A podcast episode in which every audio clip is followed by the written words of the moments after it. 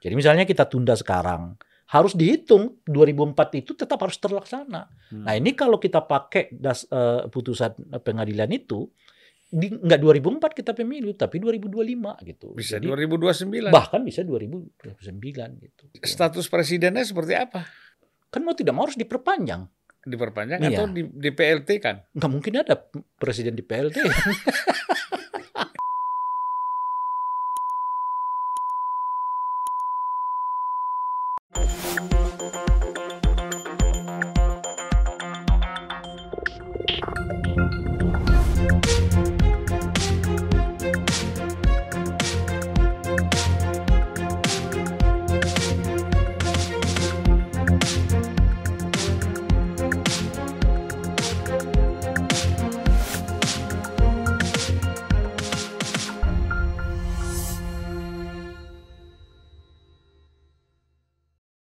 Bismillahirrahmanirrahim. Assalamualaikum warahmatullahi wabarakatuh. Waalaikumsalam. warahmatullahi. Selamat datang Pak Ahmad Fauzi. ya? Pak Ahmad Ya. Fauzi Iya. di Unpacking eh, Indonesia. Packing Ya. Indonesia, ya. Di tengah-tengah kesibukan, saya mau tanya dulu, ini nama aslinya Ahmad Fauzi. Kemudian bagaimana bisa berubah menjadi Rai Rangkuti? Itu perlu diceritakan sedikit. Iya. ya waktu mahasiswa lah bang kan. Kita Hmm. kan aktivis itu dulu seperti abang ketahui umumnya punya nama sampingan kan di Iya. luar nama yang sesungguhnya gitu. Nah kita juga begitu nyari-nyari apa yang tepat nih gitu. Hmm. Kan kebetulan mereka saya Rangkuti dari Mandeling kan. Hmm. Nah Rangkuti itu disingkat kalau di sana itu ada dua cara nyingkat. Pertama RKT merujuk ke Rangkuti juga Hmm. atau biasa yang agak keren sedikit pakai Rai gitu. Hmm. Jadilah itu saya buat Rai Rangkuti gitu ya. Hmm. Nah, jadi sebetulnya itu marga yang double, satu singkatannya ya satu kepanjangannya. gitu Iya. ya. Nah itu kedua kan kalau kita juga di Sumatera, khususnya di Sumatera Utara itu umumnya orang tuh nggak dipanggil dengan namanya, tapi dipanggil dengan marganya. Dengan kan. marganya ya. Hei Lubis, misalnya. Hmm. Hei Nasution gitu. Kalau kebetulan cuma saya situ Nasution, pasti ke saya kan gini Iya. gitu. Kalau kebetulan cuma Rangkuti di sekitar situ saat sendirian ya pasti saya itu nggak akan ada Hmm. yang lain gitu. Jadi karena kebiasaan begitu juga, nah makanya eh, orang apa nama itu kita tonjolkan. Tapi sekaligus sebetulnya ya di zamannya Orde Itu Baru kenapa itu diganti-ganti itu karena dikejar-kejar Intel? Iya, kan begitu dulu ceritanya, Bang. Kan Intel tuh dulu sampai ke kampus ya liatin Di universitas mana dulu? saya di Ciputat kan YIN. YIN ya. Sekarang WIN ya. Eh, UIN, UIN ya gitu. Tapi ya alhamdulillah lumayan efektif sih untuk ngaburkan kita saat Iya, itu. iya. Semua kita dulu saling memalsu-malsukan nama iya, ya. lumayan Gitu. efektif. Kalau dicari secara formal nggak ketemu kan siapa ini namanya Ahmad Fauzi yang dikenal orang namanya Rai Rangkuti gitu kan Hmm. gitu. Itulah kisahnya Bang dan apa entah kenapa ya sampai sekarang ya tulus lama itu gitu. Ya, dan KTP pakai nama Ray Nah, KTP ya Ahmad Fauzi Bang. Ahmad Fauzi ya. Iya. Jadi ini nama sosial aja. Kalau nama hukum dan nama formalnya ya namanya Ahmad Fauzi. Jadi kalau Ahmad Fauzi itu saya menyebutnya alumni Universitas Islam, Islam Negeri. Negeri. Win. Tapi kalau Ray Rengkuti adalah Direktur Lingkar Madani Indonesia. Cocok. Jadi ada dua, ya kan? Cocok.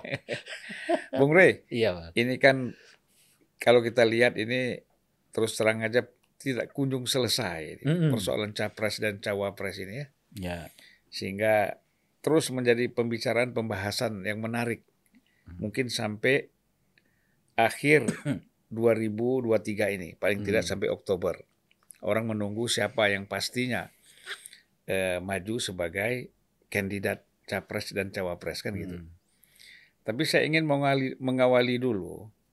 Saya baca satu statementnya eh, Bung Ray itu mengatakan sebaiknya Nasdem, Surya Paloh dan Jokowi itu apa? Legowo. Legowo dan berdamai, Bukan berdamai. bukan berdamai. Legowo saling berpisah, Pak. Ya, berpisah dengan damai. Damai. Ya, berpisah dengan damai. Saya kira kan agak sulit itu kalau berpisah dengan damai. Artinya kalau Pak Jokowi kan nggak ada masalah kalau mau berpisah kan. Ya, Tapi kalau bagi Surya Paloh kan kalau mau berpisah kan problem. ya itu betul. Eh gitu kan. Kehilangan soalnya. Iya.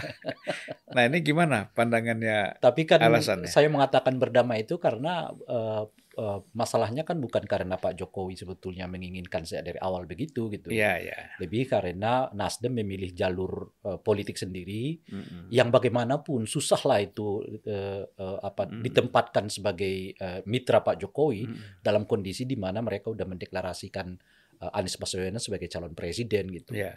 Nah itu yang saya sebutkan itu tadi. Oleh karena itu ya eh, sangat solutif sebetulnya kalau keduanya memang berpisah. Dan Mm. jalan berpisah itu adalah jalan yang paling damai bagi mereka ketimbang dalam Hmm. kondisi yang sama-sama ambigunya gitu. Presiden nggak bisa secara full eh, memegang Nasdem untuk melakukan aktivitas-aktivitas politik gitu ya. Iya. Tapi saat yang bersamaan Nasdem juga nggak bisa all out untuk mengkampanyekan Anies Baswedan yang bagaimanapun di mau dicitrakan oleh Nasdem ya daya tarik Anies itu ya pada pada oposisinya terhadap uh, Jokowi. Jokowi. gitu. Persis seperti yang Abang bilang dahulu itu kan Hmm. itulah memang yang harus dilakukan kalau enggak ya siapa yang akan milih Anies Baswedan Hmm. gitu kalau Anies dianggap pelanjut Pak Jokowi, bagian dari Pak Jokowi. Ya tentu orang akan milih yang diendorse oleh Pak Jokowi kan. Iya, Gitu. iya. Nggak mungkin orang milih Anies Anies Baswedannya. Satu-satunya pilihan bagi Anies itu dia harus diposisikan memang berbeda dengan Pak Jokowi Iya. gitu. Nah, kalau Nasdem masih tetap berada di lingkaran ini, Mm. kapan dia bisa all out mendukung Anies Baswedan sementara Iya. publiknya, pemilihnya menginginkan agar Anies Hmm. Baswedan itu ya dicitrakan sebagai tokoh uh, yang berbeda dengan Pak Jokowi gitu. Iya. Dan Anies juga sudah pernah kita bahas juga. Anies juga nggak berani kan Nggak berani. memposisikan diri berhadapan Betul. karena Nasdemnya Nasdemnya begitu. Begitu. Terakhir ini kan soal IKN kan. Ya Ketika ditanya gimana sikapnya soal IKN kan beliau mengatakan ya karena itu udah undang-undang akan dilanjutkan Hmm. juga gitu. Itu, kenapa itu bisa dilakukan ya? Karena gimana memposisikan ya beliau berbeda dengan Pak Jokowi selama Hmm. Nasdemnya masih ada di dalam gitu. dan itu katanya menyebabkan beberapa lembaga survei terakhir ini melihat Anies semakin menurun ya. Ya, itu dari satu segi. Meskipun dalam bacaan saya karena ada variabel Pak Prabowo mulai menggeliat juga gitu. Hmm. Khususnya di Jawa Barat ya. Hmm. Nah, setelah Pak Prabowo mulai menggeliat, khususnya di Jawa Barat, mungkin beberapa orang yang ragu-ragu selama ini yang mulai kembali ke eh, apa namanya kepada Pak, eh, Pak Prabowo. Prabowo. Itu kan agak selaras itu, Bang. Jadi Hmm. eh, Anies agak tertahan, tapi Pak Prabowo naik satu satu satu atau satu setengah persen. Hmm. Itu artinya apa? Gitu artinya kembali lagi nih pemilih yang mungkin dulu kebawa oleh Anies kembali ke Pak Prabowo. Dan saya kira gejala ini akan terus. Hmm. Artinya apa gitu? Artinya kalau Anies tidak diposisikan dalam posisi yang betul-betul berbeda dengan Pak Jokowi itu, Hmm. sementara saat yang bersamaan Pak Prabowo mulai bergeliat dengan Hmm. sungguh-sungguh, ya katakanlah mendekati kembali basis konstituennya dahulu gitu, Hmm. ya Anies akan mengalami situasi yang sulit gitu. Hmm. Makanya di beberapa tempat saya mengatakan sebetulnya ya eh, apa namanya itu, ini kan kalau kita lihat sekarang ada tiga nama besar lah dulu bang ya Hmm. yang punya potensi akan dicalonkan sebagai calon presiden. Nah, yang agak pasti itu adalah Anies Baswedan gitu. Ada Iya. Pak Prabowo dan yang ketiga adalah Ganjar gitu. Hmm. Kalau eh, saya lihat begini, Anies dipasa, dilawankan dengan Ganjar itu Anies akan melaju. Eh sorry, Ganjar akan melaju dengan cepat Hmm. gitu. Kalau Ganjar dilawankan dengan Prabowo, 50-50 ini Hmm. gitu. Tapi kalau Prabowo dilawankan dengan Anies, maka Anies yang akan menang gitu. Hmm. Nah, oleh karena itulah menurut saya kalau nggak ada faktor eh, Pak Ganjar, Anies bersama dengan eh, eh, apa namanya eh, Pak eh, Ganjar apa Anies melawan Ganjar, maka Hmm. menang adalah oh, eh, Ganjar, Ganjar. Pranowo gitu. Nah, itu yang kelihatan tiga skenario ini, Bang gitu. Nah, Hmm. makanya kalau Pak Prabowo masuk gitu ya, makin sulit lagi nih Anies Hmm. Baswedan gitu. Nah, itu yang Iya. selama dia kelihatan adalah bagian dari Jadi kalau tiga gitu pasang Anies kesulitan. kesulitan Hmm. gitu ya. Tapi eh, kesulitan untuk selama sebetulnya lawannya Anies itu Pak Prabowo kira-kira begitulah. Hmm. Jadi kalau Pak Prabowo dia apa Anies melawan Pak Prabowo, Anies bisa menang gitu. Hmm. Gitu kan. Tapi kalau lawan Ganjar Dia kelihatan akan Lemah. sulit, akan lemah akan gitu. lemah. Nah, cuma persoalannya apakah dua pasangan atau tiga pasangan? Cuma Hmm. kalau feeling saya mengatakan tiga pasangan, Bang.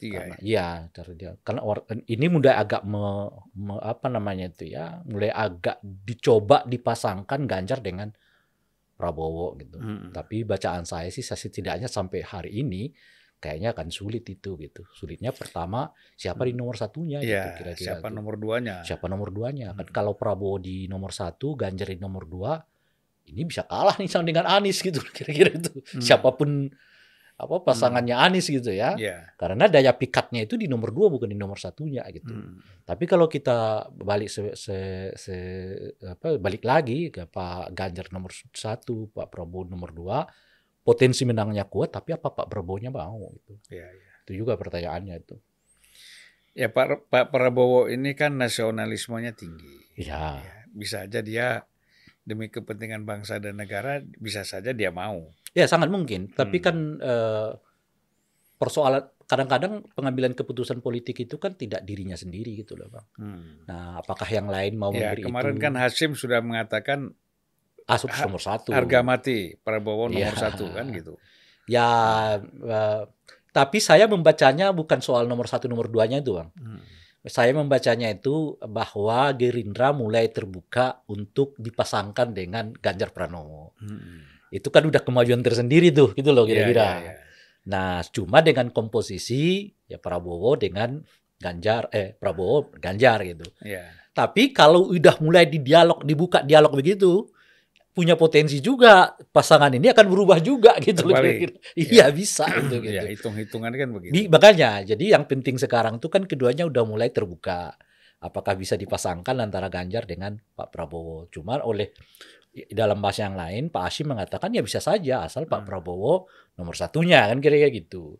Tapi saya kira ini negosiabel nantinya nih. Ya. Yang penting kan bisa nih gitu. Nah, Hmm. tinggal lihat waktu, kemungkinan-kemungkinan seperti apa macam-macam. Bisa jadi justru yang terjadi sebaliknya. Hmm. Pak Ganjar sebagai nomor satu, Pak Prabowo dalam nomor dua gitu. Ya kemungkinan itu ada ya. Ada, Ya, ada. jadi Selama kelihatan udah dimulai dibuka oleh Gerindra itu maksud saya bang. Hmm. Menariknya itu kan begitu. Kalau selama ini kan orang dari luar yang berbicara kemungkinan-kemungkinan ini, Hmm. nah sekarang kemungkinan itu langsung direspon oleh Pak Hashim gitu.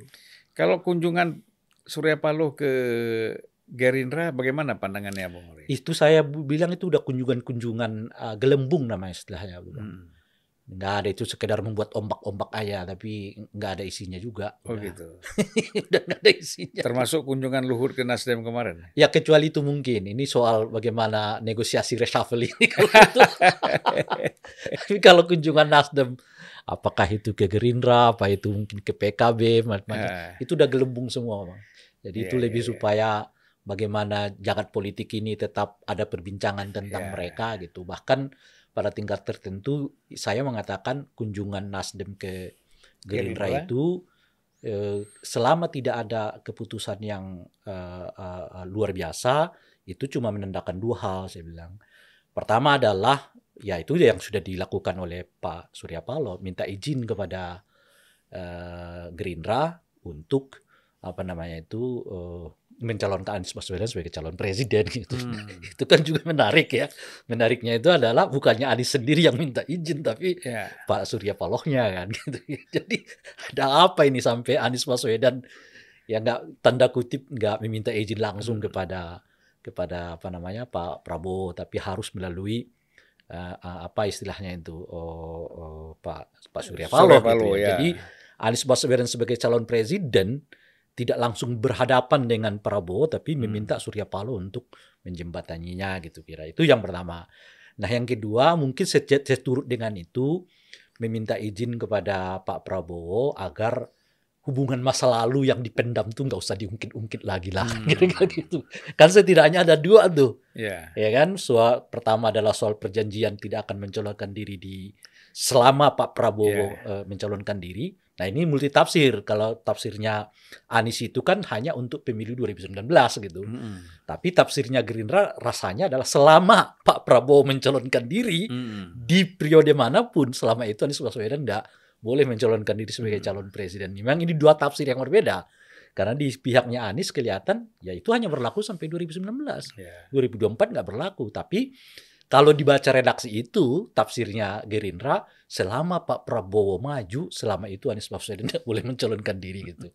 Nah, itu surat yang pertama tuh yang heboh kan. Nah, surat Hmm. kedua adalah soal utang itu kan. Hmm. Yang mana Anies Baswedan mengatakan eh, disebut berutang kepada salah satu pengusaha yang mendanai aktivitas pilkadanya DKI Jakarta gitu. Dan Hmm. saya punya feeling masih banyak lagi nih file-file gitu loh, Bang. Hmm. Yang rahasia mungkin di antara mereka selama ini. Dalam konteks itulah mungkin eh, Pak Surya Paloh eh, katakanlah meminta izin kepada Pak Prabowo untuk ditahanlah gitu kira-kira Selagi di- karena lumayan efektif ininya gitu loh apa negatifnya ke Iya. Anies Baswedan jadi kalau dibilang tadi agak tertahan karena soal citranya yang kelihatan belum bisa Hmm. jauh dari setidaknya dinyatakan jauh dari Pak Jokowi tapi hubungan-hubungan masa lalu ini juga menurut saya sedikit banyak punya efek menahan elektabilitas Anies Baswedan. Ya di samping itu kan hubungan masa lalu Pak Prabowo dengan Pak Surya Paloh ini kan juga nggak terlalu bagus kan? Iya, iya, iya. Nah, justru karena itu kan menarik itu makanya kalau tidak ada keputusan yang spektakuler, ya dugaan saya itulah yang dibicarakan di dalam pertemuan itu gitu ya. Jadi meminta izin, meminta izinkan Anies Baswedan dicalonkan Ya sebagai calon presiden. Anies kan ngomong sendiri ya. Itu yang saya mau katakan. Ini Hmm. ini ini ini ada apa juga nih kok bukan Anies langsung yang datang ke sana, yang Eh. sowan, ketemu macam-macam gitu. Nah, cuma kan kita nggak tahu apakah itu pernah diusahakan oleh Anies sendiri, Hmm. lalu Pak Prabowo tidak berkenan menerima itu kita nggak tahu, Bang. Tapi Bung Ray yakin ya bahwa pemilu kita ini betul-betul bisa berlangsung nih. Tang Ya. 14 Februari nanti. Ini masih kalau ditanya ini berat juga. 50-50 juga saya. 50-50. Iya. Karena Intinya, kan Bung saya kan dari dulu, sehingga saya kita pernah satu forum ya, Bang. Iya, iya. Saya ingatkan begini, kalau isu tiga periode itu nggak mungkin lagi dilakukan. Iya, benar. bilang. Tapi menunda pemilu itu tetap terbuka sampai kapan pun. ya. Sampai ada pencoblosan di hari H. sebenarnya. Hmm. Dan ya, kena- oleh karena itu mungkin kita nggak lagi bicara soal apakah tiga periode atau tiga periode tidak. Udah gitu. selesai itu. Udah selesai itu. Yang kita bicarakan apakah pemilu ditunda atau tidak gitu. Nah Hmm. gejala pemilu ini tetap berlangsung dan ditunda itu udah 50-50 sekarang gitu. Menurut saya. Kalau kemarin itu saya masih hakul yakin 80% ini akan lanjut terus gitu. Hmm. Karena kan nggak ada gejala-gejala alam yang menunjukkan bahwa Ya. pemilu kita dapat ditunda gitu. Tapi dengan putusan PN Jakarta PN. Pusat gitu ya, Hmm. terus oh, respon-respon yang dilakukan oleh KPU dalam Hmm. menyiapkan pemilu gitu ya, kemudian Hmm. juga Perpu ya, eh, Ya. nomor 1 2022 seingat saya apa 2000 iya 2022 Hmm. kenyataannya itu belum disahkan oleh eh, DPR baru akan disahkan pada rapat paripurna Hmm. berikut padahal secara hukum mestinya sudah disahkan pada Februari kemarin seingat saya di rapat Hmm. eh, eh, paling dekat dari Perpu itu dikeluarkan oleh pemerintah karena sesuai dengan ketentuan Perpu dapat eh, apa eh, akan disah diterima atau diterima tidak diterima pada rapat paripurna setelah yang paling dekat dari Perpu itu dikeluarkan gitu Hmm. dan itu bukan menunggu eh, setelah Maret tapi itu kemarin Februari mestinya gitu Ya. Nah, melihat semua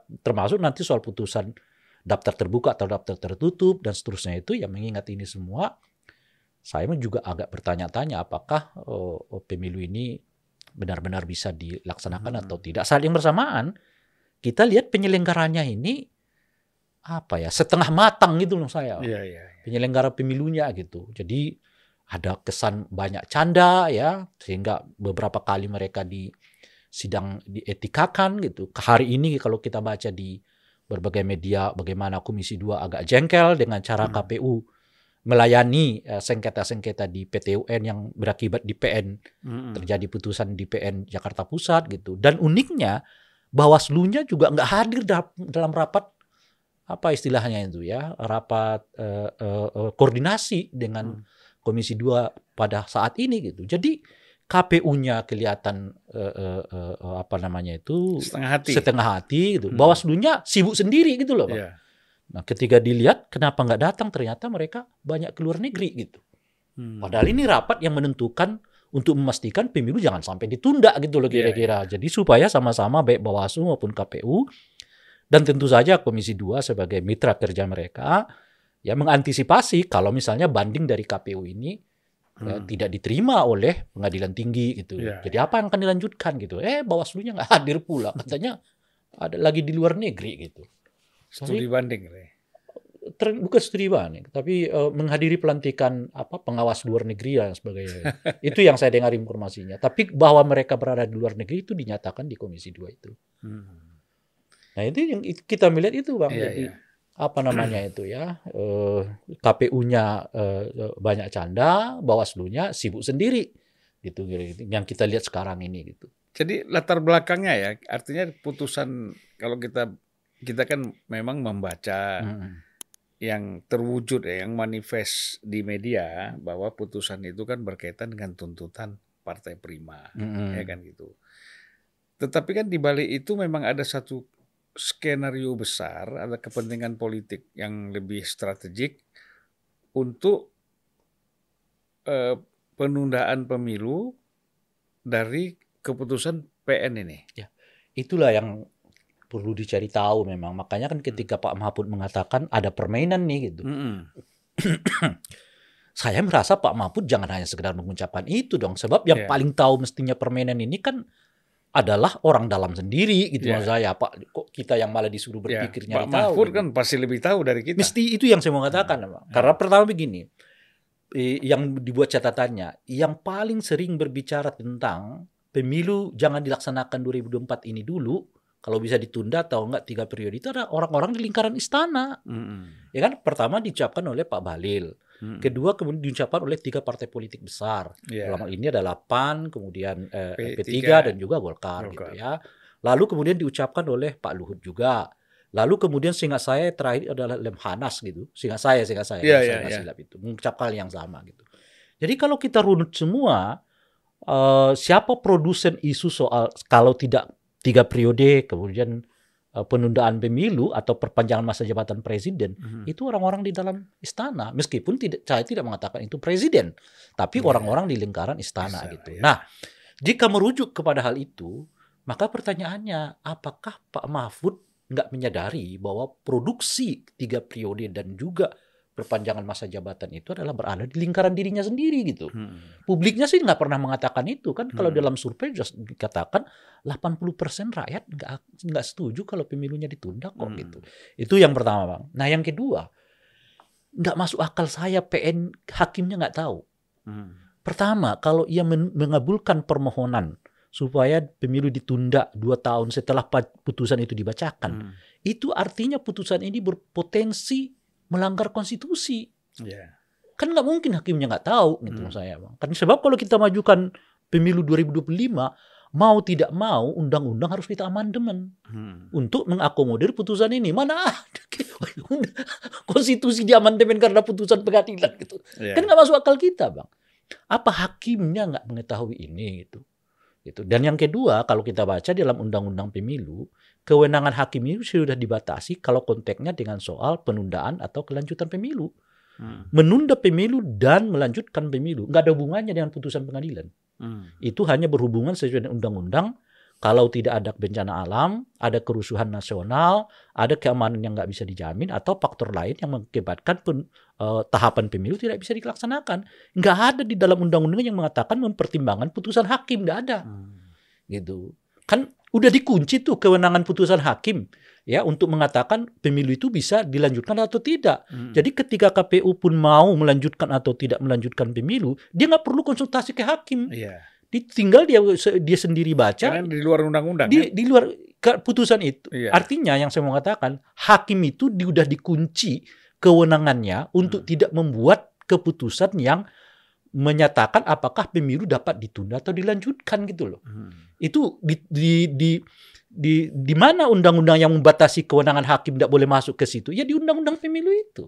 Yang empat syarat itu saja boleh pemilu ditunda gitu. Atau hakim sudah berpikir jauh barangkali. Yang itu yang saya mau katakan, Bang. Jadi hanya ada dua kemungkinan. Hmm. Pertama adalah hakimnya uh, berpikir jauh alias hingga ngerti lah bahasanya gitu. Eh. Atau yang kedua, ada kekuasaan yang begitu besar yang mengirimkan sinyal supaya hakim meloloskan poin ini gitu Hmm. Nah itu dugaan saya. Nah siapa kekuasaan besar itu? Nah itulah yang mestinya Pak Mahfud nyari juga. Ya. Jangan disuruh kita yang nyarinya ya. gitu.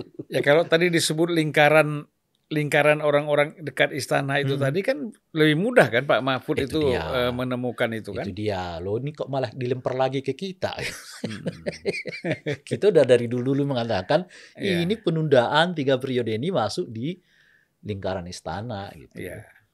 Jadi Pak Mahfud ini terkesan Se- Saya saya dengan abang juga kan Iya. dengan salah satu pendukung Pak Jokowi ya apa namanya organ organ pendukung deputi, deputi. bukan organ pendukung Pak Jokowi itu apa namanya Oh, Projo ya. ya kayak projo-projo yang Ya. lagi musda musda itu kan salah satu Ya. isunya adalah tiga periode musrah, tiga periode yang sama-sama kita bantah juga di forum itu Iya. kok masih ada muncul isu-isu yang begitu presidennya aja mengatakan nggak suka kok gitu loh kira-kira iya. Gitu. Nah, itu kan artinya ini pendukung Pak Jokowi sendiri isunya saat itu ya itu gitu. Iya. Saya nggak tahu kalau sekarang gitu. Ya kalau eh, kita lihat ya bahwa eh, akan akan naik banding ke pengadilan, Pengadilan tinggi. ya. Ya, kemudian Mahkamah Agung sudah mengatakan hormatilah Ya, eh, apa putusan. putusan hukum ya. ini. Nah, ini kita mencurigai juga nih jangan-jangan nanti keputusannya betul-betul ditunda nih. Sebab eh ya apa namanya? ad- eh, eh, kita membaca kan sekarang KPU masih berkutat bahwa eh, mereka banding ke pengadilan tinggi itu dengan argumen yang mereka pakai di pengadilan negeri. Hmm. yaitu bahwa pengadilan negeri itu tidak berwenang untuk menyengketakan ya tahapan Hmm. pemilu atau eh, apa namanya itu eh, mengadili dugaan adanya eh, apa namanya perbuatan melawan hukum PMH Hmm. yang berhubungan dengan pejabat negara ataupun lembaga negara Hmm. sesuai dengan Perma eh, tahun berapa dari Mahkamah Agung saya lupa itu Bang yang menyatakan memang segala tuntutan terhadap pejabat negara ataupun lembaga negara yang dianggap melakukan tindakan melawan hukum itu nggak bisa disidangkan oleh PN harus ke Hmm. PT UN gitu. Nah KPU masih tak pakai argumen ini masuk dalam konteks banding itu. Hmm. Sementara di PN-nya udah ditolak argumen itu. Hmm.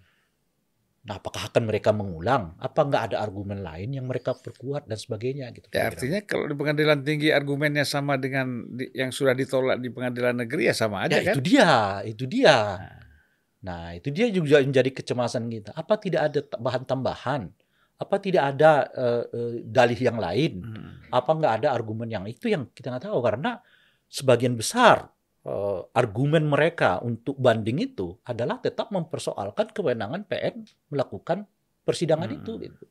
Padahal di PN-nya sendiri ya kan udah diputus hal dia menolak permintaan itu sehingga dia lanjut ke pemeriksaan materinya dan memutuskan sesuai dia memutuskan eh, keputusan yang lima poin itu Hmm. gitu. Waduh, ini sementara rakyat ini mengharapkan pemilu bisa Pemilu. berjalan dengan mulus ya, Ya. kemudian partai-partai juga seperti itu, Sebagian besar. sebagian besar ya. Katakanlah ada enam partai ya, Ya, enam partai kan tidak tidak setuju nampaknya dengan dengan penundaan Betul. ataupun tiga periode sudah selesai tidak perlu. dengan penundaan. Enam partai ini justru eh, apa ingin pemilu ini bisa berlangsung sesuai dengan jadwal kan. jadwal. Partai-partai besar seperti PDIP, Gerindra, Ya. Golkar, eh Nasdem ya Nasdem. dan PKS dan lain-lain. Nah ini apa artinya ini kita bicara soal koalisi-koalisi dan pasangan-pasangan ini? Makanya sebaiknya ditunggu dulu di putusan pengadilan nih. Pengadilan- pengadilan tinggi nih ya kan. Hmm. Seperti apa gitu. Iya, karena Mahkamah Agung Tapi bahasa yang lain kita optimis lainnya akan lanjut gitu aja mungkin. ya artinya kerja aja lah. Kerja, kerja jalan. saja. Iya. Lobi-lobi semuanya berjalan. Sebab kalau ditunda pun lebih repot lagi itu saya, Bang. Hmm. Nah, misalnya lah ke eh, tuntutan eh, apa bandingnya KPU ini diterima oleh ditolak oleh PT eh, Pengadilan Tinggi gitu. Terus pemilu ditunda. Dasarnya apa? Hmm. Pengadilan itu. Terus undang-undang yang membatasi kekuasaan cuma lima tahun itu diapain? Undang-undang dasar loh itu. kan mau tidak mau harus diamandemen itu, Bang. Tapi kan bisa jadi seperti tadi syaratnya penundaan pemilu kan kalau ada situasi keamanan ya. Ya, dia masuk bisa di poin keempatnya, yaitu Hmm. dan atau hal lain yang mengakibatkan pemilu harus ditunda. Hmm. Tapi eh, itu tidak boleh keluar dari lima tahun itu gitu loh maksudnya, Bang. Nah, kalau sampai keluar dari lima tahun itu ya berbahaya gitu. Hmm. itu kan dan tidak memang kalau di undang-undang itu bisa keseluruhan dan sebagian tahapan untuk ditunda, tapi dia tetap di dalam satu kerangkaian lima tahun itu. Gitu. Hmm. Jadi misalnya kita tunda sekarang, harus dihitung 2004 itu tetap harus terlaksana. Hmm. Nah ini kalau kita pakai das, eh, putusan pengadilan itu, di, nggak 2004 kita pemilu, tapi 2025 gitu. Bisa Jadi, 2029. bahkan bisa 2029 gitu. Nah itu ininya Eh, gitu. Status presidennya seperti apa? Itu satu. Hmm. Kan mau tidak mau harus diperpanjang. Diperpanjang Iya. atau di, di PLT kan? nggak mungkin ada presiden di PLT. makanya makanya kalaupun itu ditolak itu lebih repot lagi bang saya lebih Iya. kacau lagi itu menurut Iya. saya. Nah mudah-mudahan ya meskipun dalilnya ya dalil dalil dalil si pemohon banding ini kurang lebih hampir sama dengan dalil dia waktu di PN itu Hmm. mudah-mudahan pengadilan tinggi melihat makronya itu saya Iya, melihat makronya kalau Kepentingan lebih besar. besar sebab kalau ini tetap ditolak misalnya per- apa banding dari KPU efeknya jauh lebih besar bagi bangsa Iya. ini dibandingkan misalnya dikabulkan gitu meskipun ya pengadilan menganggap argumen-argumen dari KPU itu ya katakanlah udah terlalu ya sama hampir sama kan ketika mereka punya argumen di PN gitu kira-kira Ya bisa jadi nanti problem yang paling rumit lagi, ya artinya eh, pengaruh politiknya lebih besar lagi ketika Betul. sampai ke Mahkamah Agung kan? betul nah kalau berlanjut lagi ke Mahkamah Agung ya bisa ke mana-mana gitu. Jadi itu satu. Yang kedua, ya kalau tadi misalnya mengutip Pak Mahfud ada permainan, ya kita berharap yang bermain itu sadar lah bahwa risikonya besar sekali karena ini Hmm. bukan hanya sekedar berhubungan bagaimana melanjutkan jabatan presiden, tapi itu hubungannya dengan mengubah konstitusi, ya kan, memastikan ritme apa namanya itu pem- apa eh, eh, kepemimpinan nasional dalam lima tahun gitu dan apa yang mereka bayangkan pun belum tentu tercapai. Harapannya ke Pak Mahfud apa kira-kira? saya berharap beliau nggak mungkin nggak tahu juga siapa yang bermain ini gitu. Hmm. Nah, cobalah diungkapkan kepada publik siapa yang bermain ini sebetulnya. Iya. Khususnya dari pertanyaan saya tadi, bang. Saya tidak bisa membayangkan hakim itu nggak tahu gitu, bang. Iya. Mana mungkin hakim nggak tahu bahwa jika beliau memutuskan atau menerima petitum dari uh, pemohon ini, itu akan bertentangan dengan konstitusi. Hmm. Empat yang lain mungkin dia nggak ada masalah kan menerima kembali apa melakukan verifikasi ke partai eh, prima kalau lolos dimasukkan sebagai peserta pemilu itu kan nggak ada mengganggu tahapan sama sekali dan nggak akan ada yang mengubah apa pun kecuali mengubah SK KPU saja kan tapi kalau poin kelima itu diterima oleh pengadilan negeri negeri Hmm. dan harus dilaksanakan ya itu jelas bertentangan dengan konstitusi kita Atau perlu gitu. juga dicari ya, siapa yang mengarahkan Partai Prima ini bukan ke PT UN, tapi ke Saya udah Pengadilan. baca kronologinya, Bang. Kalau itu clear menurut saya. Hmm. Pertama kan mereka ke Bawaslu. Nah, oleh Bawaslu diputuskan diterima permohonan mereka. Hmm. Tapi dengan batas waktu yang amat sulit sebetulnya untuk dilakukan. Hmm. Yaitu membolehkan dilakukan perbaikan data, tapi dengan batas waktu 1 kali 24 jam. Hmm. Nah, mereka mereka coba menurut pengakuan Partai Prima, mereka coba melakukan, tapi tiba-tiba apa namanya sipolnya KPU itu ada masalah, sulit untuk diakses. Hmm. Gitu kira-kira tuh. Nah, ketika selesai masa eh, ber- tapi mereka coba juga menurut kata Partai Prima itu. Nah, ternyata yang terjadi adalah bukannya data mereka makin baik, tapi Hmm. dinyatakan oleh KPU makin bermasalah gitu loh. Hmm. Jadi kalau misalnya sebelumnya lima lima tempat aja yang dianggap nggak memenuhi syarat, eh tiba-tiba berkembang menjadi puluhan daerah Hmm. yang tidak memenuhi syarat gitu. Jadi Hmm. Partai Prima sendiri jadi bingung gitu. Hmm. Nah untuk itulah mereka melakukan sengketa kembali ke eh, Bawaslu. Nah oleh Hmm. Bawaslu ditolak karena dianggap materi yang sama. Hmm. Padahal s- eh, apa namanya itu eh, dasar dari permohonan sengketa itu udah beda antara per eh, sengketa pertama dengan sengketa kedua kan udah ada keputusan yang berbeda oleh KPU gitu. Hmm. Nah mereka mau menyengketakan keputusan yang kedua yang berbeda dengan yang pertama. Tapi Bawaslu menganggap sama aja. Hmm. Jadi karena itu dia tutup pintu, nggak mau disengketakan. Hmm. Pergilah mereka ke PT UN. Hmm. Nah di PT UN diperiksa secara formil, lolos, lalu diperiksa materialnya. Tapi jawabannya kemudian tidak bisa ditindaklanjuti karena itu bukan kewenangan PTUN. Hmm. Nah, kenapa nggak jadi kewenangan PTUN? Karena mereka katanya hanya menyidangkan berita acara. Hmm. Dan uniknya KPU hanya meng- mengeluarkan berita acara, tidak mengeluarkan SK. Hmm. Nah ini juga kan aneh juga tuh. Hmm. Nah kenapa KPU nggak mengeluarkan SK supaya bersidang di PTUN itu bisa lebih lebih apa namanya itu lebih lebih legitimate gitu. Hmm. Ketimbang sekarang dikeluarkan berita acara ya pengadilan PTUN menolaknya karena menganggap itu bukan keputusan lembaga negara karena Hmm. cuma berita acara kan kira-kira gitu tuh. Nah karena itulah kemudian mereka merasa diperlakukan tidak adil lalu mereka mencari tempat yang lain di mana mereka bisa Hmm. menegakkan keadilan bagi diri mereka mereka Hmm. masuk ke PTUN tapi tidak lagi dalam dalam gugatan sengketa tapi dalam gugatan adanya dugaan perbuatan melawan hukum yang dilakukan oleh KPU terkait dengan dua kasus yang sebelumnya gitu Hmm. yaitu eh, soal sipol mungkin ya soal sipol dan yang kedua kok ini BA yang dikeluarkan bukannya eh, SK sekalian supaya memang bisa digugat di PTUN gitu Hmm. Nah, di situlah kemudian dan diterima oleh PN kan, keluarlah keputusan itu gitu. Nah, Oke. dalam konteks itu sih, saya merasa Partai Prima ya dia mencari keadilan ke mana saja kan sah Iya. bang, karena dia merasa korban Iya, gitu iya. kira-kira. Soal efek atau dampak itu bukan urusan dia. Ya, bukan urusan dia. Dan yang kedua adalah apakah di tengah-tengah itu ada orang yang datang ya kan? Nah, ya itu juga di luar di luar ini dia kontrol dia gitu. Iya, iya. Tapi sebagai partai dia merasa dan saya kira juga memang harus begitu ya. Dia Hmm. harus menempuh segala cara yang dimungkinkan untuk mencari keadilan bagi dirinya gitu. Dan saya kira itu bagus, Bang. hmm. Karena selama ini kan orang-orang yang mau mencari keadilan dengan cara yang kayak begitu tuh itu selalu dilepehkan gitu loh. Hmm. Ah, partai kecil aja sok-sokan kayak gitu-gitu loh. Hmm. Jadi udah jadi terbiasa Ya. mengabaikan apa namanya itu persoalan-persoalan yang seperti itu.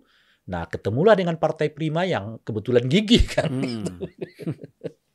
Dan jangan lupa pengadilan negeri pernah memutuskan juga hal yang hampir sama itu terjadi, Bang. Hmm. Di kasusnya Gerindra dahulu kan. Hmm. Nah, eh, eh, siapa yang istrinya Ahmad Dhani itu kan yang anggota Gerindra itu, Bang. Mulan Jamila kan. Hmm.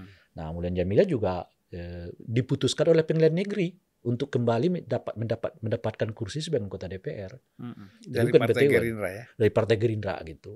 Nah, itu yang dipulihkan oleh PN sebetulnya, bukan Hmm. oleh PTUN, Bang. Hmm. Gitu. Jadi sudah ada presiden ya. Ada presiden meskipun tidak sama persis ya, Ya, kasusnya ya, gitu. ya. Karena satunya adalah soal PMH, tapi satunya adalah soal eh, mereka mera- eh, apa eh, eh, hak politik mereka yang dianggap nggak dilaksanakan. Tapi ada titik temunya yaitu PN mengabulkan kasus yang berhubungan dengan politik kira-kira gitu loh. Hmm. Ya, kita kembali ke persoalan situasi politik sekarang ya, bahwa tentang koalisi-koalisi ini, Hmm. ini bagaimana Bung Rey menilai perkembangan politik kita? Satu hal yang menurut saya agak sering disalahpahami orang sih menurut saya, Hmm. Bang, yaitu ada kesan bahwa seolah-olah eh, Sandiaga, apa bukan Sandiaga, Anies Baswedan itu ditolak oleh istana untuk jadi calon presiden gitu. Hmm. Saya membacanya sebaliknya, Bang. Saya justru melihat bahwa istana amat sangat berkepentingan agar Anies itu tetap bisa jadi calon presiden. Hmm. Kenapa? Ya, karena kalau kita punya asumsi bahwa istana punya dua jagoan, dalam hal ini adalah eh, Prabowo dan- Prabowo dan Ganjar Pranowo, Hmm. nggak bisa yang memungkinkan untuk melaju khususnya Ganjar itu adalah Anies Baswedan. Ya. Jadi kalau Ganjar dipasang di lawan-lawankan dengan Pak Prabowo, hasilnya 50-50 Hmm. karena mayo- mayoritas pemilih Anies ini akan pindah ke Pak Prabowo. Hmm. Jadi bisa 50-50 itu ininya apa namanya suaranya gitu. Hmm. Oleh karena itu kalau tidak ada Anies, nasib Ganjar malah terancam kira-kira gitu Hmm. tuh. Sebaliknya kalau Anies datang, maka pemilih non Anies itu akan berkumpul kepada Ganjar Pranowo. Dan kalau kita lihat survei terakhir, memang memperlihatkan itu tren berkembang terusnya Ganjar Pranowo naik terus tuh. Sementara Anies agak tertahan karena itu yang kita sebutkan tadi, bang. Hmm. Eh, ada faktor Prabowo yang mulai bekerja, kedua banyak isu yang menyimpang kepada Anies Baswedan gitu. Hmm. Yang ketiga adalah belum jelasnya nih wajah Anies, wajah eh, Pak Jokowi atau eh, eh, apa namanya oposisi kepada Pak Jokowi gitu Hmm. ya. Nah ini situasinya di mana Ganjar sama sekali belum melakukan aktivitas kampanye gitu loh. Iya. Nah, dia tidak melakukan aktivitas kampanye, elektabilitasnya relatif naik gitu. Sementara Anies udah bekerja lebih dari setengah kali ya. Setengah Indonesia. setengah Indonesia udah dikelilingi. Alih-alih naik yang ada kalau nggak stagnan kita sebut turun gitu. Iya. Paling hebat, dia stagnan lah nggak usah kita turun misalnya gitu. Jadi itu warning yang cukup keras. Nah oleh karena itulah saya melihat istana pede nih, Hmm. ya kan untuk tetap mendorong Anies Baswedan sebagai calon presiden dalam rangka apa? Memuluskan Ganjar Pranowo justru sebagai calon Ya, presiden. paling tidak istana tidak menghambat lah ya. Saya malah tidak menghambat. Malah Hmm. kalau bisa Ya. mereka akan dorong terus nih, Hmm. gitu. Mungkin dalam konteks itu juga ya saya nggak tahu bang ya. Hmm. Ya eh, kelihatan eh, Pak Jokowi tanda kutip ya masih agak nahan-nahan diri untuk tidak melakukan reshuffle itu gitu loh kira-kira ya. Jangan-jangan ininya ya perbincangannya udah berbeda lagi nih. Iya. Gitu. Tapi kalau reshuffle tidak terjadi bisa jadi Anies nggak maju presiden nih. Justru kalau reshuffle terjadi ya Anies bisa maju presiden ya. Ah iya gitu dia. Iya kan? Iya. Tapi kan kita mengharapkan ada tiga calon ya. ya. Kan sebab kalau kita ya. lihat pengalaman kita dengan dua calon ya, itu kan eh, konfliknya ya. terlalu tegang ya. tegang. konfliknya terlalu luas dan apa secara politik itu juga tidak tidak membangun suasana yang kondusif. Ya. Perbincangannya bukan soal visi misi Bang ya. Hmm. Perbincangannya ya di luar itu adalah soal Hmm. hal-hal yang berhubungan dengan identitas ya. Dan Hmm. itu Ya, apa ya disayangkan sekali gitu menurut saya. makanya kita mengharapkan kan ada tiga calon ya. Ya kalau Hmm. kalau saya merasa tiga ini Hmm. udah sulit lah untuk di di apa namanya kalau apa namanya ditolak lah gitu Hmm. kan dan memang sebagusnya ya begitulah ada Ganjar ada Anies ada Pak Prabowo cuma pertanyaannya Ganjar ini dapat perahu apa enggak sih sebenarnya kan karena orang masih ragu apakah Ibu Mega membolehkan beliau naik atau tidak gitu Hmm. Nah, atas keraguan itu saya menjawabnya begini, kita lihat sampai Maret ini. Jadi kalau sampai Maret ini Ibu Ibu Puan tidak dideklarasikan, entah Hmm. itu sebagai calon presiden ataupun wakil presiden, 80% kemungkinan PDI akan mendukung Ganjar. Pranowo sebagai calon presiden gitu. Jadi ya eh, ya kira-kira eh, 10 hari lagi ke depan lah. Kalau betul-betul nggak ada Hmm. pengumuman terhadap Ibu Puan selesai dari eh, apa Maret ini, itu artinya 80% itu agak udah ke Ganjar ini PDI perjuangannya gitu ya. Dan oleh karena itu ya mungkin tinggal membicarakan siapa yang jadi wakilnya nanti. Kalau misalnya Pak Prabowo Iya. tetap berjalan dengan PKB dalam satu perahu gitu. Nah, dalam hal ini saya membacanya eh, tinggal dua tokoh yang besar kemungkinan mendampingi Pak Ganjar ya. Satunya adalah eh, eh, eh, Pak Pak Airlangga sendiri dari internal KIP dan yang kedua adalah Pak Erick Thohir dari luar gitu.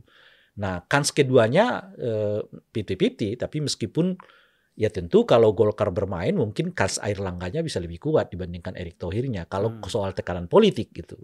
Tapi kalau berbicara mungkin soal pengenalan terhadap publik ya tentu Erick Thohir masih bisa maju ke tengahnya itu gitu. Jadi apa namanya eh, salah satu masalah bagi bagi Ganjar ini nanti adalah menemukan siapa calon wakil presiden bukan karena nggak tepat bagi dirinya saya Hmm. kira baik Erlangga maupun Ganjar tuh tidak ada masalah dengan eh, sorry Erik. dengan Erik tidak ada masalah bagi, bagi Hmm. Pak Ganjar tapi ini persoalan apakah misalnya Partai Golkar mau melepaskannya atau tidak karena elektabilitas Ganjar yang menarik ini itu jadi rebutan banget kan kan? karena Ganjar tuh kelihatan nggak butuh lagi siapa pendampingnya gitu udah kelihatan udah pada posisi itu artinya Hmm. siapa pun yang jadi pendamping dia ya kan punya potensi akan menang gitu kira-kira tuh nah kan justru itu yang menarik bagi Golkar jangan dilepas lagi ini kan Hmm. kalau sekiranya pendamping ini menentukan apa namanya elektabilitas si calon gitu, nah mungkin di situ Golkar akan berpikir apakah kita dorong atau tidak kalau nggak memberi efek elektoral kepada eh, apa namanya eh, ke si calon presiden gitu. Hmm. Tapi kalau calon presidennya sendiri udah unggul, ya tinggal ikut aja. Dan di situlah justru menurut saya Golkar akan ketat. Nah, apakah akan memberi kepada orang lain dalam ini Erik atau akan didampingi oleh Golkar gitu. Dan Itu satu. Nah, kalau kemudian eh, PDI masuk ke KIP ini, itu artinya jadi empat partai politik pendukungnya, Hmm. Itu artinya kans air langanya makin kuat untuk dijadikan sebagai calon wakil presiden gitu. Karena ya hubungan historis lah KIP apa partai partai besar ini kan kalau dilobi oleh Golkar kan jauh lebih kuat ketimbang misalnya dilobi dari luar oleh Hmm. Thohir dan Tapi seterusnya. kan yang sudah eh, mendeklarasikan Ganjar Erik itu PAN ya. Dan P3 juga. ya P3 Ah. dengan Sandiaga Uno. Iya, eh, Ah. P3 juga menyebut Erik. Jadi ada, ada ada beberapa tokoh yang mereka sebutkan sih, Hmm. tapi salah satunya adalah Erik. Tapi yang yang firm itu kan cuma PAN ya. PAN Kalau ya. yang cuma satu nama itu PAN. ya PAN. Tapi kalau P3 kan untuk Erik di beberapa tempat justru udah dideklarasikan. Kenapa Erik menurut saya? Karena Sandiaganya udah narik diri kan. Hmm. Kan ini mengatakan udah mau konsentrasi di Gerindra dulu. Ya karena dia nggak mungkin kan. Ya itu Kalau- makanya. Ah. Artinya kan tinggal bacaannya tinggal Erik Thohir saja karena Hmm. Sandiaganya udah menyatakan diri mundur gitu. Hmm. Nggak akan dicalonkan, nggak bersedia lagi dicalonkan gitu. dia nggak mungkin berhadapan dengan Pak Prabowo, kan. Prabowo gitu. Ya. Nah kan eh, saya melihat bahwa ah, setelah PAN itu mendeklarasikan eh, Ganjar Erik, toh tidak ada kesan semacam protes dari PDIP ya, atau dari P3 atau dari Golkar gitu ya. Hmm. Artinya ini mulus-mulus saja apa yang dideklarasikan oleh PAN ini. Iya, eh, Apa jangan-jangan di belakang itu sudah ada kesepakatan ini pasangan ini? me- saya nggak tahu juga bang ya, apakah saya apa kalau konteks eh, Erik ini menurut saya sih reaksi Golkar yang perlu dilihat gitu. Kalau PDI mungkin oke-oke aja kan, yang penting mereka dapat di Ganjarnya kan kira Iya, gitu ya. iya. Kalau P3 sih oke-oke aja juga kan, karena Hmm. baik Ganjar maupun eh, apa namanya Erlangga, boleh eh, Erlangga mereka juga fine-fine aja gitu. Nah sekarang kenapa Gerindra belum bereaksi? Kan itu pertanyaannya. Justru Hmm. bayangan saya makin dipepetkan oleh mereka, kans air lengganya makin kuat gitu. Hmm. Jadi oleh karena itu mungkin mereka akan tahan-tahan. Jangan itu persis seperti kita dulu pernah diskusi bang, skenario Demokrat kan. Hmm. Kalau Anies diumumkan lebih cepat, Demokratnya justru yang akan kebingungan gitu. Makanya Hmm. mereka harus nahan Anies itu jangan terlalu lama di eh, jangan terlalu cepat diumumkan sebagai calon presiden gitu. Hmm. Sementara mereka akan menaikkan terus elektabilitas eh, eh, AHY. Hmm. Sehingga begitu Anies dideklarasikan, yang nggak ada lagi pilihan kecuali AHY karena memang elektabilitasnya juga lagi naik. Nah sayangnya kan Nasdem buru-buru ya kan. Hmm. Jadi skenario itu nggak maju gitu. Hmm. Nah saya kira juga itu yang akan dilakukan oleh oleh Golkar kan. Jadi eh, mereka tunggu saja dulu gitu ya. Kalau bisa jangan cepat-cepat dideklarasikan sambil terus-menerus ya memperkenalkan eh, gan, apa namanya Erlangga Erlangga. kepada publik. Tapi saya Cuman lihat, saya mau mengatakan begini dan udah berulang kali juga saya sampaikan ke baik ke eh, di, di publik maupun ke kawan-kawan internal di Golkar, selama eh, eh, Airlangga duduk sebagai menteri koordinator ekonomi, jangan berharap elektabilitasnya lebih dari 50 persen. Hmm. apalagi kemarin di demo posternya besar-besar sekali di DPR. itu dia, itu dia. Jangan berharap. Ya. Jadi pilihannya cuma dua. Kalau Anda mau jadi calon wakil presiden, tinggalkan kabinet Anda keliling seluruh Indonesia. Hmm. Nggak bisa ada lagi sekarang calon presiden wakil presiden yang ujuk-ujuk kira-kira gitu. Hmm. Nah ya saya nggak tahu gitu. Nah apakah akan terjadi juga atau tidak ya kita lihat di kita ke depan. Bang. Ya nggak berani lah Erlangga. Nggak Ya. tahu saya gitu. Nasdem aja yang sudah bermasalah, menterinya nggak berani mundur. Ya. Apalagi kalau Erlangga yang boleh dibilang ada masalah tapi kan belum muncul terlalu serius ya. Ya, ya, gitu dia, itu dia. Nah. Posisi itu saya kira Ya, kalau kalau kalau dengan kondisi yang kayak begini ya ya itu dia memang salah satu caranya adalah eh, lambatkan pengumuman deklarasinya gitu. Hmm. Jangan dibuat buru-buru gitu. Sehingga kalau makin mepet nggak ada pilihannya bagi mereka kecuali Golkar gitu ya. tapi kan gini, Munas Golkar kemarin sebelumnya ini kan sudah memutuskan Erlangga sebagai calon presiden. Itu dia. dan dikatakan oleh kader-kader Golkar kalau memang Erlangga mau tidak menjadi calon presiden harus munas lagi. Iya. Nah, munas lagi kan Erlangga takut. Munas ini bukan hanya men- menganulir soal cawap soal Iya. capres, tetapi dia pun lewat sebagai ketua umum kan. Iya, iya itu bebannya berat. Hmm. Sebab kalau eh, ngotot mencalonkan Air Langga, bisa-bisa Golkar nggak dapat perahu apa-apa, Ya. sendirian aja kan Hmm. gitu. Jadi ya tanpa munas harus diterima kenyataan, misalnya nggak mendapatkan calon presiden, dan oleh karena itu harus diusahakan menjadi calon wakil presiden. Hmm. Itu tawaran yang paling paling apa ya, paling kompromistik lah mungkin di dalam kalau Ya. tidak mau dimunaslupkan ya. Tapi kalau saya melihat berat lah ya untuk Erlangga mau dipasangkan dengan Ganjar saya kira berat. Dipasangkan juga dengan Prabowo berat. Oh kalau dengan Prabowo mungkin. Itu yang saya mau katakan bang. Kalau perhitungannya elektabilitas, popularitas nggak masuk ini, Hmm. gitu. Tapi kalau kalau itu yang saya katakan, kalau Ganjar sudah bisa jalan sendiri, tidak lagi katakanlah mendapat membutuhkan dukungan besar dari wakilnya, itu potensi air lengganya bisa masuk gitu. Hmm. Ya makanya ini kan mau dilihat nih gitu. Apakah kalau leading terus nih Ganjar seperti yang Hmm. sekarang lah misalnya ya. Artinya dia nggak tergantung lagi pada perolehan suara dari wakilnya. Nah di situlah kan air langga makin menguat gitu. Ya bisa jadi ya. Hmm. Bersaing dengan Erik lah ya. Iya, Bersaing kan Erik kan modal, Erik dua modal. Pertama Hmm. popularitas dan juga modal dalam pengertian. Dan satu lagi Erik ini sudah bangun basis yang begitu serius di Jawa Timur ya. Ya, apalagi dia Aktivitas-aktivitas NU, Banser, Betul. Ansor semua dia ikut itu saya kira mempunyai dampak politik Betul. juga untuk elektoral dia ya. betul. Cuma kan apa namanya lagi-lagi kalau apa istilahnya itu ya, oh, Golkarnya nggak terlibat di dalam proses pengambilan keputusan ini atau Golkar merasa nggak mendapatkan hal yang patut mereka dapatkan gitu, ya itu bisa agak berat juga bagi Hmm. koalisi Indonesia Bersatu ini gitu loh Pak. Hmm. Ya meskipun kemasukan PDI Perjuangan, tetap artinya dari persyaratan nggak ada masalah gitu, karena di backup oleh PDI Perjuangan itu asumsinya. Atau gitu. bukan bukan di backup, bukan masuknya PDI Perjuangan yang kita lihat justru PDI Perjuangan menyedot ini KIB ke sana. Ya, ya, ya, Iya kan? dengan sendirinya. Ah, Makanya itu yang saya sebutkan tadi, eh, Bang. PDI ini kalau mereka nggak deklarasikan Ibu Ganjar. Puan oh, di bulan Maret ini, dia akan potensial ke Ganjar Ganjar. Pranowo gitu. Kenapa gitu? Ya karena Ganjar itu magnet. Jadi kalau eh, PDI jalan sendiri tanpa Ganjar misalnya, saya nggak terlalu yakin mereka dapat sampai 25 persen. hmm. Ya karena kalau Ganjar, apalagi kalau kalau tidak bersama Ganjar, kelihatan tidak akan bersama dengan Pak Jokowi juga gitu. Hmm. Apa mereka dapat 25 persen? Menurut saya belum tentu. Hmm. Nah oleh karena itu ya belum tentu dap, belum tentu menang di pilpres wak- wakil presiden, di pileg juga turun ya ketimbang harus ambil yang sebaliknya kan, Hmm.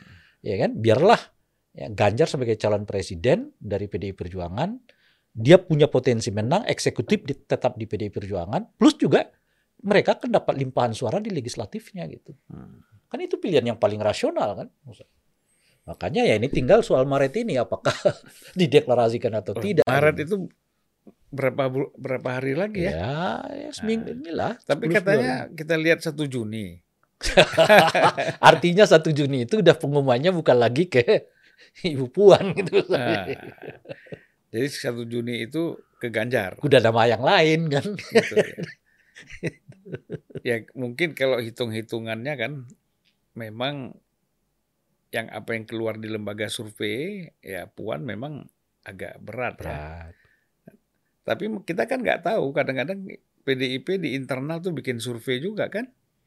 Nah, Jangan-jangan dalam Kalau survei kalau saya begitu tuh sulit saya menjawabnya, Bang. Kalau saya begini aja.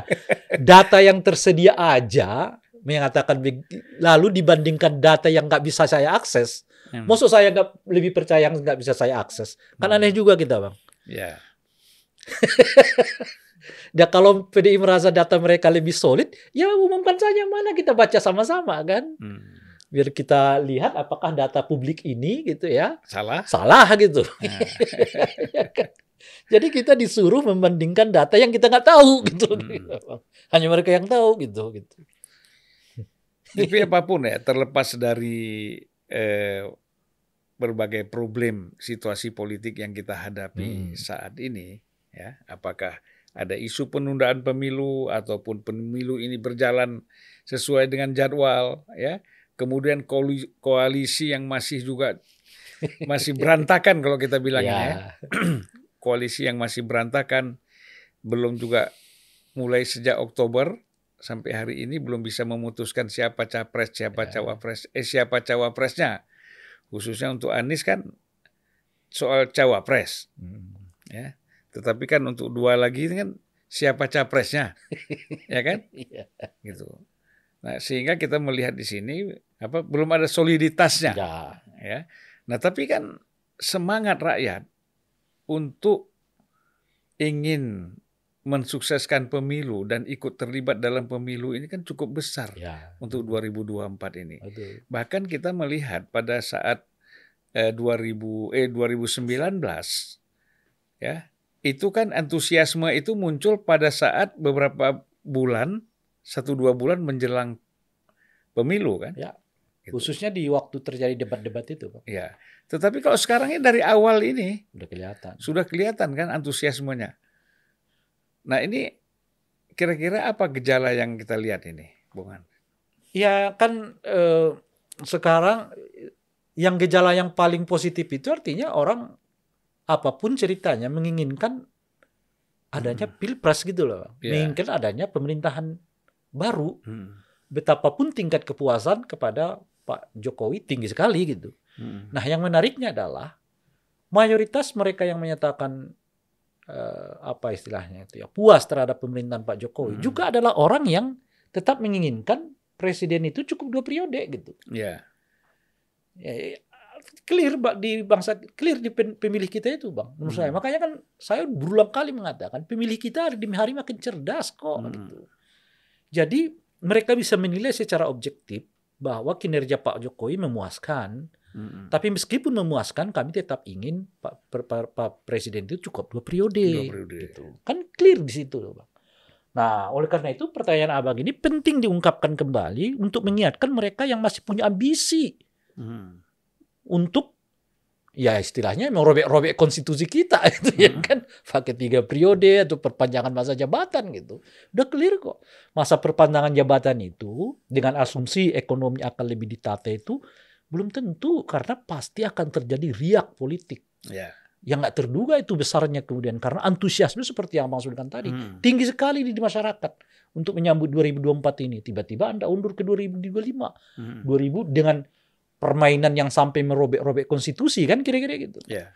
Jadi itu alih-alih Anda akan mendapatkan konsolidasi ekonomi, ya kan, ketertiban sosial yang terjadi adalah sebaliknya. Ya agak sulit lah ya kalau skenario itu mau dijalankan ya. Iya, karena makin Hmm. terbaca, Pak. Hmm. Makin terbaca bahwa ini seperti dipaksakan gitu loh, Hmm. supaya terjadi di apa penundaan pemilu itu dan dengan sendirinya terjadi pe- perpanjangan masa jabatan presiden. Dan publik kita adalah orang-orang umumnya nggak suka dengan pemaksaan-pemaksaan yang seperti itu gitu. Nah, oleh karena itulah ya, pertanyaan abang itu perlu kembali diingatkan agar kita harus pastikan 2024 ini terjadi. Kecuali ya hal-hal yang di luar pak, di Hmm. luar di luar kekuasaan kita kan, bencana nasional apa dan seterusnya itu. gitu. Dan satu hal yang kita lihat eh, dalam hal pengamanannya pun itu tidak mudah kan. Ya, Kita kan paham betul bahwa apakah terutama TNI, Polri Hmm. itu kan tetap berpijak berpegang pada konstitusi. Hmm, hmm. Ya, siapa pun presidennya kalau memang melanggar konstitusi pasti dia tidak akan back, Ya. dia tidak akan dukung. Ya, ya. Itu kan terjadi pada Gus Dur misalnya. Ya, Ketika Gus Dur ingin membuat apa dekret. eh, dekret untuk membubarkan DPR, TNI dan Polri itu tidak setuju kan, Hmm, hmm.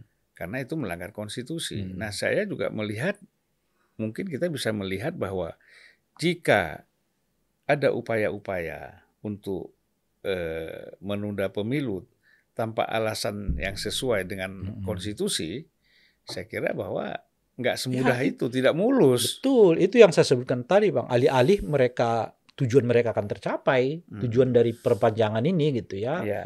Atau pemundur jadwal yang ada adalah ya kita ribut secara rasional. Hmm. Kalau ribut secara nasional ya tidak ada ketertiban. Kalau nggak ada ketertiban, bagaimana ada pembangunan? Hmm. Bagaimana ada kenaikan ekonomi? Kagak ada gitu. Nah oleh karena itu jalan yang untuk memastikan apa namanya itu roda pembangunan ini berjalan dengan baik, tenang, tertib, ya pemilu harus dilaksanakan 2024 gitu. Karena kita nggak tahu sektor-sektor mana ini yang kita baca ini kan masih sek- sektor sipilnya, Hmm. pemilih umum gitu. Nah, tadi kalau abang mengatakan misalnya biasanya eh, apa tentara kita itu tidak terlalu senang kalau apa namanya perebutan kekuasaan itu sampai merobek-robek konstitusi misalnya gitu Hmm. kan, ya itu bisa jadi gitu. Artinya makin nggak bisa terkendali gitu. Ya, dan yang satu hal yang harus kita hindari ketika terjadi chaos, ya, Hmm. itu kan pasti antara pendukung Pak Jokowi dengan yang anti Pak Jokowi itu kan luar biasa itu gerakan masanya akan terjadi konflik. Saya Sa- kira petanya udah agak berubah itu, Bang. Ah, yaitu eh, pendukung tiga periode dengan yang yang tidak setuju tiga periode perpanjangan masa jabatan itu hmm. dan itu bisa yang awalnya pro Pak Jokowi menjadi melawan itu gitu loh bang Hmm. ketemu tuh dengan, kalau tadi abang mengatakan ada pro Jokowi anti Jokowi bisa juga nih ketemu ini Hmm. Dalam kerangka apa menolak perpanjangan masa jabatan itu gitu itu Iya. bisa dilihat di dalam survei kan jadi memang 70% mereka ya Hmm. eh, apa namanya puas dengan kinerja presiden tapi mayoritas mereka juga mengatakan tidak untuk tiga periode gitu clear kalau itu sih. Jadi bisa kita bilang tiga periode ini tutup buku. Eh apa Kalau perpanjangan ma- masa jabatan Jadi perpanjangan masa jabatan, kemudian penundaan pemilu kita bisa bilang tutup buku nih ya. mestinya Nah, tapi ya kan segala segala cara akan apakah akan terus dilanjutkan atau tidak gitu itu yang kita nggak tahu juga karena apa ya nafsu ini kan hmm. nggak ada batasnya ya meskipun orang mengatakan eh, segala sesuatu ada batasnya tapi batasnya di mana itu yang kita nggak tahu Hmm. Oke, Bung Rey. Iya. Eh, apa sih harapan eh, Bung Ray ya soal kepada parpol, pemerintah, termasuk kepada KPU ya? Eh, dalam rangka kita melihat supaya ini bisa berjalan sesuai dengan dengan keinginan kita bersama ya, sesuai dengan eh, jadwal yang sudah ditetapkan. Harapannya apa? Kan kalau kita demo, lihat demografinya ya bang ya. Pemilih 2024 ini kan hampir 60% itu adalah kita sebut pemuda lah ya dengan segala variannya. Ada yang menyebut kelompok milenial generasi X atau apa dan tetapi kita sebut sebagai pemuda semua itu. Jadi eh, secara demografik ya pemilihnya itu ya 60 persennya adalah mereka gitu. Sebagian besar dari mereka itu juga mungkin kali pertama atau kali kedua ikut terlibat dalam pelaksanaan pemilu. Apa yang kita mengatakan itu harus difasilitasi. Caranya apa? Memastikan 2024 ini tidak boleh mundur. Saya kira kalaupun tidak ada gejolak yang luar biasa, eh, misalnya ya menolak penundaan pemilu, katakan begitu, tapi antusiasme orang akan berkurang lagi. Karena udah tersedot di 2024 tiba-tiba mundur ke 2025 gitu. Hmm. Mungkin lemes lagi gitu kira-kira. Nah yang kedua oleh karena itu kepada penyelenggara pemilu entah itu KPU maupun Bawaslu kita harap bersungguh-sungguh deh. Saya Hmm. kira KPU khususnya belajar setidaknya dari dua peristiwa yang sebelumnya. Hmm. Ada partai yang mereka loloskan lalu dilawan oleh anggota mereka sendiri Hmm. Gitu dari dalam kan gitu. Sekarang sidang sidang etik di DKPP gitu. Hmm. Ada yang partai yang tidak mereka loloskan diloloskan oleh pengadilan Hmm. gitu. Jadi itu cukup jadi pelajaran mereka bahwa jangan lagi eh, lompat-lompatan deh dalam mengelola pemilu ini gitu. Kalau mau transparan ya harus betul-betul transparan gitu. Hmm. Kepada Bawaslu jangan serba bingung lagi. Hmm. Ini masih kebanyakan kelayapan nih dibandingkan ngurusin soal apa namanya itu pelanggaran-pelanggaran yang terjadi dalam tahapan pelaksanaan pemilu gitu. Hmm. Nah, kepada partai politik selain mereka rebutan suara tentu saja Bang, udahlah beri efek pendidik- eh, beri efek pendidikan politik dong bagi masyarakat kita gitu. Hmm. Ini lagi-lagi apa namanya? Oh, oh, apa istilahnya itu ya? Eh, kalau tidak karena figur sekarang ini kan Hmm. kira-kira itu kayak kayaknya pemilu kita ini nggak menarik gitu. Hmm. Makanya aneh banget itu kalau orang masih berpikir kita kembali ke proporsional daftar tertutup Hmm. di mana daya pikat partai sangat rendah gitu loh. Hmm. Nah, oleh karena itu inilah saatnya bagi partai politik menunjukkan eh, diri mereka sebagai fasilitator yang baik bagi kehendak publik gitu, Hmm. bagi kehendak rakyat gitu. Dengan segala variannya kan, ada yang apa nah, berjalan di tengah, ada yang berjalan di kanan, tidak ada yang berjalan di kiri karena udah Hmm. dilarang oleh konstitusi ya kan gitu. Tapi mau jalan di tengah, mau jalan di kanan, jadilah mereka dengan sesungguhnya gitu. Hmm. Nah, itu yang yang paling penting itu kita harus betul-betul fasilitasi 60% pemilih ini, bukan anak muda kita ini, dan berikan mereka pendidikan politik yang baik sehingga mereka nggak punya apatisme terhadap politik. Memandang politik itu adalah sekelompok sekelompok orang kalau nggak hanya eh, pem- pemberi janji manis, ya mereka adalah penguruk uang negara kan kira-kira gitu Hmm. itu dah tuh. Harus itu harus kita balikan. Jadi harus ada dibangun kembali politik sebagai jalan suci, jalan yang bermartabat bagi siapa pun yang ingin mengabdikan dirinya bagi kepentingan bangsa dan negara ini gitu. Oke, jadi satu hal yang paling penting lagi, anak-anak muda yang 60% ini jangan hanya mendukung, tetapi ikut segera datang ke TPS untuk menyoblos. Setuju, setuju. Sebab karena mereka kadang-kadang euforia mendukung calon-calon presidennya. Dan bukan hanya itu, Bang. Mereka harus menghentikan pertikaian yang bersifat identitas. Hmm. Jadi mereka sekarang harus mengajak setiap calon presiden berbicara tentang agenda-agenda. Hmm. Nah, saya sering kali mengatakan setidaknya ada enam agenda kita. Misalnya, calon presiden ini setuju IKN apa enggak? Calon presiden ini eh, mendukung eh, eh, mendukung atau menolak undang-undang omnibus law apa enggak? Hmm. Mendukung menolak revisi undang-undang apakah enggak? Hmm. Calon presiden ini berbicara tentang reformasi institusi polisi dan kejaksaan apa enggak gitu. Hmm. Dan eh, bagaimana cara apa namanya itu eh, menurunkan eh, hutang kita terhadap luar negeri Hmm. dan sebagai dan beberapa isu lagi bisa dideretkan tentu di luar isu yang pasti harus ada yang pasti ada di setiap pemilu kesejahteraan ekonomi pengangguran itu dah Itu janji. Enggak, kalau itu enggak kita, kita bisa bicarakan, Iya. udah ya kan. Nah, yang mau kita katakan itu adalah isu-isu ya, aksidentil kan. Soal. IKN kan aksidentil kan. Iya, iya. Belum tahu 2029 akan muncul isu ini gitu ya. Hmm. Undang-undang Omnibus Law itu aksidentil kan. Kemudian juga eh, apa namanya eh, KPK aksidentil dan seterusnya. Hmm. Kalau kesejahteraan, tenaga kerja, kesehatan itu udah pasti di setiap Hmm. pemilu mana pun di situ Iya, pasti iya, muncul iya. gitu kira-kira. Nah, UMKM. UMKM itu udah Ah. pasti gitu. Nah, oleh karena itulah saya kira anak-anak muda yang 60% itu keluarkan energinya untuk itu. Jadi jangan saling membuli untuk hal-hal yang bersifat remeh-temeh gitu loh. Hmm. Ya kan soal cara makannya kayak apa ya kan. Sorry, enggak gitu. Jadi Anda jangan mau diseret oleh apa persoalan-persoalan remeh-temes justru untuk melupakan persoalan-persoalan besar di bangsa ini gitu. Hmm. Nah, Anda harus fokus di persoalan-persoalan besarnya. Tadi setidaknya kita sebut enam isu itu, tentu Anda bisa masukkan isu-isu Hmm. yang lain yang menurut saya, menurut mereka penting kan.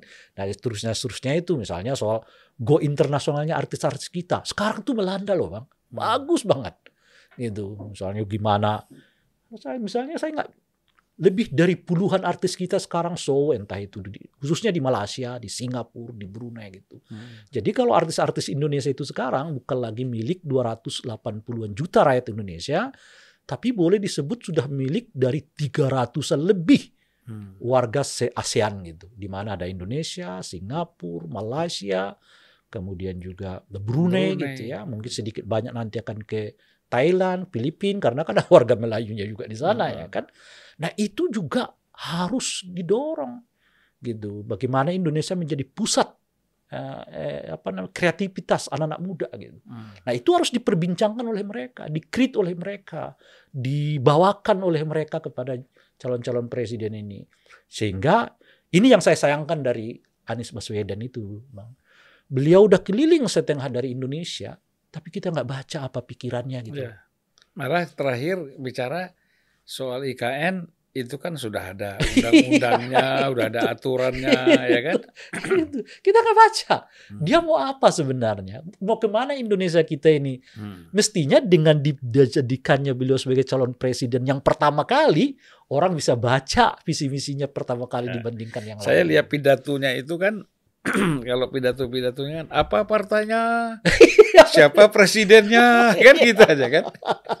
Jadi Jadi nggak ada itu visi misi ide gagasan ya. ada.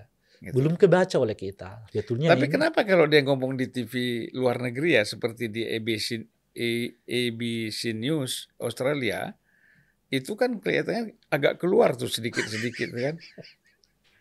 Mungkin Mungkin dia nggak bisa insidentil barangkali. Nggak Bisa. nggak nggak bisa nggak mungkin bisa. kalau dia lagi sendiri nggak ada siapa-siapa di sampingnya, Ah, dia merasa agak bebas. iya, iya. Tapi kalau dia lagi ada bendera partai, aduh, sedikit agak agak menyempit idenya. Iya. Bisa juga begitu. Aduh, seru deh. Baiklah Bung Roy, satu jam kita nggak terasa ngomong-ngobrol ya. Ya mudah-mudahan apa yang kita sampaikan Amin, ini amin, ini amin. pasti akan punya manfaat lah ya Amin, amin untuk para penonton Unpacking Indonesia dan untuk seluruh rakyat Indonesia. Amin, amin. Terima kasih Bung Rey. Siap Bang. Insya Allah kita ketemu lagi. Amin, amin. Assalamualaikum warahmatullahi wabarakatuh. Waalaikumsalam warahmatullahi wabarakatuh.